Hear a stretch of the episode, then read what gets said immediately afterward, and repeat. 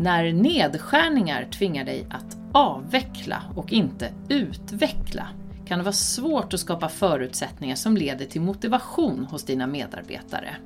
I det här avsnittet av Chefsrådgivarna ska vi prata om att leda i motvind. Jag heter Annika Pernikliski och med mig är chefsrådgivare Ove Ekerbring. Välkommen Ove! Stort tack Annika!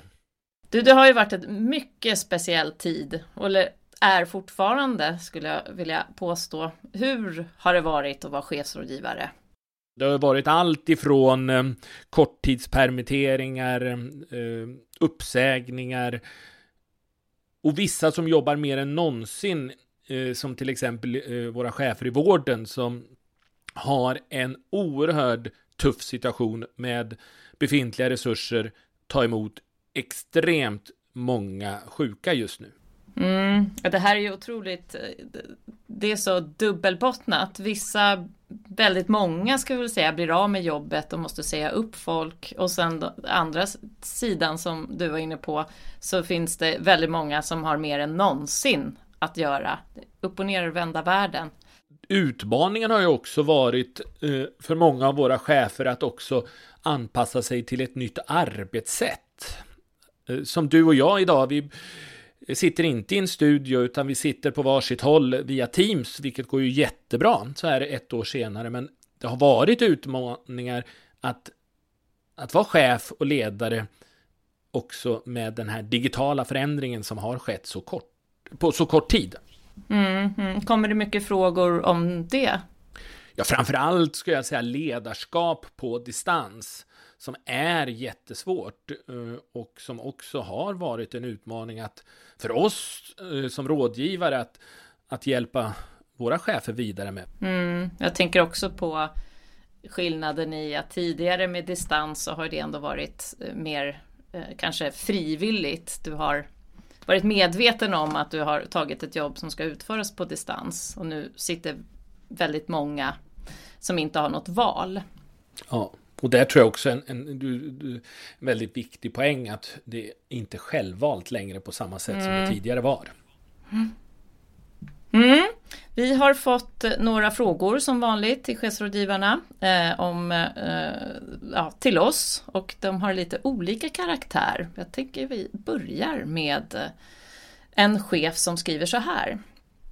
Jag är chef i ett bolag som brottas med dålig ekonomi. Vi har efterfrågade produkter men marginalerna är inte tillräckligt goda och vi är nu tvungna att avveckla vissa verksamhetsområden. Det är stark gemenskap på bolaget och det faktum att vissa grenar kapas kommer att uppfattas negativt hos såväl de som kommer att erbjudas att vara kvar som de som får gå. Hur ska jag lyckas engagera de som blir uppsagda att göra ett bra jobb hela vägen så att våra kunder inte drabbas? Och hur ska jag hålla ångan uppe hos de som får vara kvar? Mm. mm. Ja, det är verkligen en komplex fråga och väldigt vanlig måste vi väl också säga i, i både idag och igår och imorgon förmodligen att det, det, är sånt som händer. Och i de situationerna skulle jag säga att det viktigaste är ju att man har gjort ett bra förarbete eh, från då ledning och chefer innan man går ut och eh, informerar om detta, vilket då innebär att man måste vara väldigt tydlig och duktig på att informera varför och vad det är man vill med de här sakerna. Så att man hittar en vision för verksamheten även efter att man då är tvungen att göra de här åtgärderna som de facto gör att personer blir av med jobbet. Vi brukar ju säga det att du, du kan inte skapa eh, Eh, motivation hos andra utan bara förutsättningar. Eh, som i sin tur då kan, kan motivera, eller du kan inte motivera andra helt enkelt. Så i en sån här situation, vad kan man liksom skapa för förutsättningar som skulle kunna gynna motivationen för medarbetarna? Du var lite inne på eh, eh, det här med att vara tydlig med varför.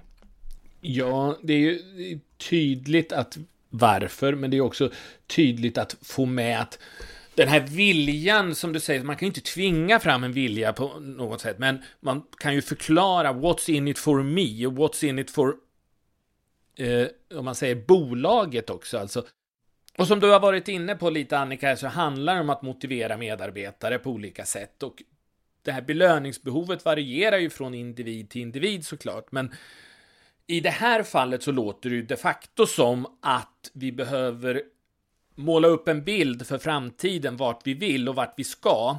För att når vi inte dit så kanske hela bolaget eh, riskerar att inte existera. Och då finns det ju, eh, och då finns ju inga arbeten att gå till. Och det i, i sin tur är ju motivation kanske att ha kvar sitt jobb.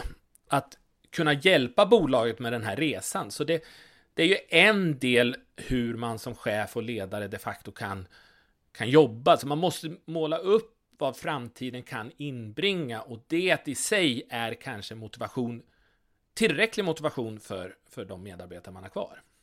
Utifrån dina egna chefserfarenheter, Ove, vad skulle du säga är den största uppförsbacke du har haft att leda i?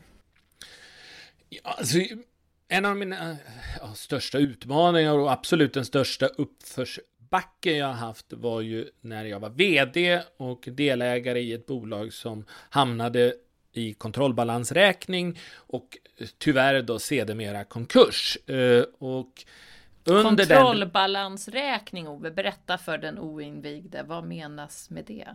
Ja, det är ju då att man har understigit sitt egna kapital i bolaget och måste då ur en ekonomisk term upprätta en kontrollbalansräkning med sina revisorer.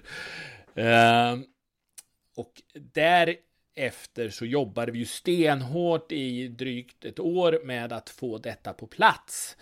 Uh, och tyvärr så ledde det fram till konkurs. Uh, och det som jag bär med mig i detta var ju att jag tappade bort visionen. Varför och vad? Alltså, varför gör vi det här och vad vill vi ha i framtiden? Också då motivationen till eh, de medarbetare som, som jobbade med mig blev ju ett evigt tjatande och ett evigt jagande på likviditet, och få in då de pengar vi hade och till minskade resurser nå mer och bättre resultat eh, i det läget var inte en ekvation som gick ihop. Vad jag skulle göra annorlunda i framtiden skulle ju vara att snabbare och tydligare göra förändringar i att kommunicera och informera medarbetare om varför vi gör det här, vad vi vill göra och hitta en motivation hos dem som gör att de kan hjälpa mig och bolaget att genomföra de här förändringarna. Det skulle väl vara min, min största lärdom. Mm. Tänker du att det hade kunnat bli en, en annan utgång? Även för bolagets framtid, eller? Absolut. Alltså, jag tror att hade jag som chef eh, varit duktigare på att peka ut riktningen, eh, vad vi vill i framtiden, men också då vad, vi, man, vad man behöver göra varje dag, varje vecka, varje månad för att åstadkomma den här förändringen. Då hade det varit mycket lättare för mina medarbetare att, att motivera sig att göra det. Vi har fått en fråga till. Den lyder så här. Jag arbetar som chef inom vården Stora delar av min verksamhet tar hand om covid-sjuka, något som ligger långt ifrån vad vi normalt arbetar med. Vi förväntas sköta vårt ordinarie arbete och de nya arbetsuppgifter som tillkommit, som i sig äter upp all tid. Mina medarbetare mår inte bra och jag har bemanning, semesterplanering och annan ålagd dokumentation som måste göras och det finns absolut inget utrymme att finnas för mina medarbetare och deras oro. Vad säger du om det här, Ove? Känner du igen problematiken? Ja, man känner igen paniken i ögonen på dessa chefer som står inför den här utmaningen med att göra sina ordinarie arbetsuppgifter samtidigt som du ska rädda liv. Jag skulle säga att för den här chefen så är det viktigaste att prioritera för sig själv och sina medarbetare att då rädda liv. Och sen såklart i det läget också ta hand om sina medarbetare så de orkar fortsätta att rädda liv i, i läget.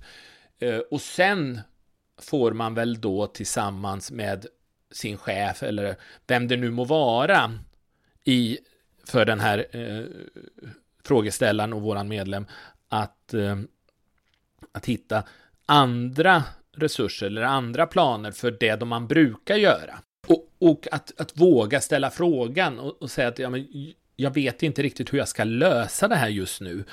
Alltså vad ska vi fokusera mest på? Vad ska vi prioritera? Alltså, för att det är ju så att förmodligen så finns inte då hur mycket andra resurser som helst, utan då måste man ju få ett prioriterings direktiv eller ett läge där man själv har mandatet att välja vad det är vi ska göra nu. För att eh, man klarar ju inte av att göra allt. Nej, och mycket av de uppgifter som som tas upp här som bemanning. Bemanningen, den, den måste ju göras, eh, men måste den göras av vår brevskrivande chef eller kan, eh, kan det skötas av någon annan? Semesterplanering, samma där. Kan, hur, eh, Eh, för det, det, kan, det, har man ju också hört en anledning till oro att eh, vi kanske inte får semester eh, och behovet av ledighet. Så jag förstår att det inte är så lätt att stryka men Nej, och då får man ju får man ju själv också då hitta att delegera uppåt. Att, att då få prata med sin chef och säga att ja, men de här sakerna vet jag måste göras. Men jag har inte den möjligheten att göra det. Och min uppfattning är att jag behöver prioritera att vara ute i verksamheten och ta hand om oron hos mina medarbetare. För det kommer att göra att kan jag hantera den här oron från våra medarbetare, då kommer det vara en framgångsfaktor för oss i det här arbetet framåt. Jag tror det är viktigt med närheten till medarbetarna och hjälpa dem att prioritera men också ta hand om eh, frustrationen i, i realtid är en, en, en framgångsfaktor för att man ska klara av uppgiften. Om chefen i det här läget distanserar sig och gömmer sig bakom bemanningsplanering, semesterplanering och andra administrativa arbetsuppgifter, då tror jag att resten av medarbetarna kommer att må mycket sämre än om den här chefen låter andra sköta de arbetsuppgifterna som den är ålagd och är nära sin personal ute i verksamheten och de facto hjälper dem i det dagliga arbetet. Mm, försöka få så stor närvaro som möjligt helt enkelt för att eh, kunna hantera oro hos medarbetare och därmed eh, vid behov hjälp av egen chef för att prioritera bort. Och komma ihåg att det kan ta lite tid att spara tid men den, det är en investering. Och lägga den här planen som du säger, att den planen kanske man behöver lägga varje dag för att göra det, men att hitta hela tiden en, en plan för hur man ska göra och, och, ta lite tid att lägga den planen. Det är väl också ett medskick. Om du skulle få säga några avslutande ord till våra lyssnare, eller du kommer att få säga några avslutande ord till våra lyssnare, vad vill du ge för medskick? Att skapa, att vara att som chef ska du vara duktig på att skapa den här visionen. Att vad, varför och vad ska jag göra? Och att hitta dina medarbetares motivatorer för att man ska nå fram till det här eh, slutgiltiga målet och att man eh, ser, ser framtiden an med tillförsikt. Och sen på det att vara duktig på att lägga en plan med olika då prioriteringar och så vidare till sina medarbetare som man självklart måste kanske då och då uppdatera men man hela tiden har en, en riktning som man lägger ut som medarbetarna kan följa. Det tror jag är en viktig del. Med det sagt Ove börjar det bli dags att eh, runda av det här avsnittet. Eh, stort tack för att du har varit med idag. Och stort tack till dig som har lyssnat skicka gärna dina frågor till oss på chefsradgivarna ledarna.se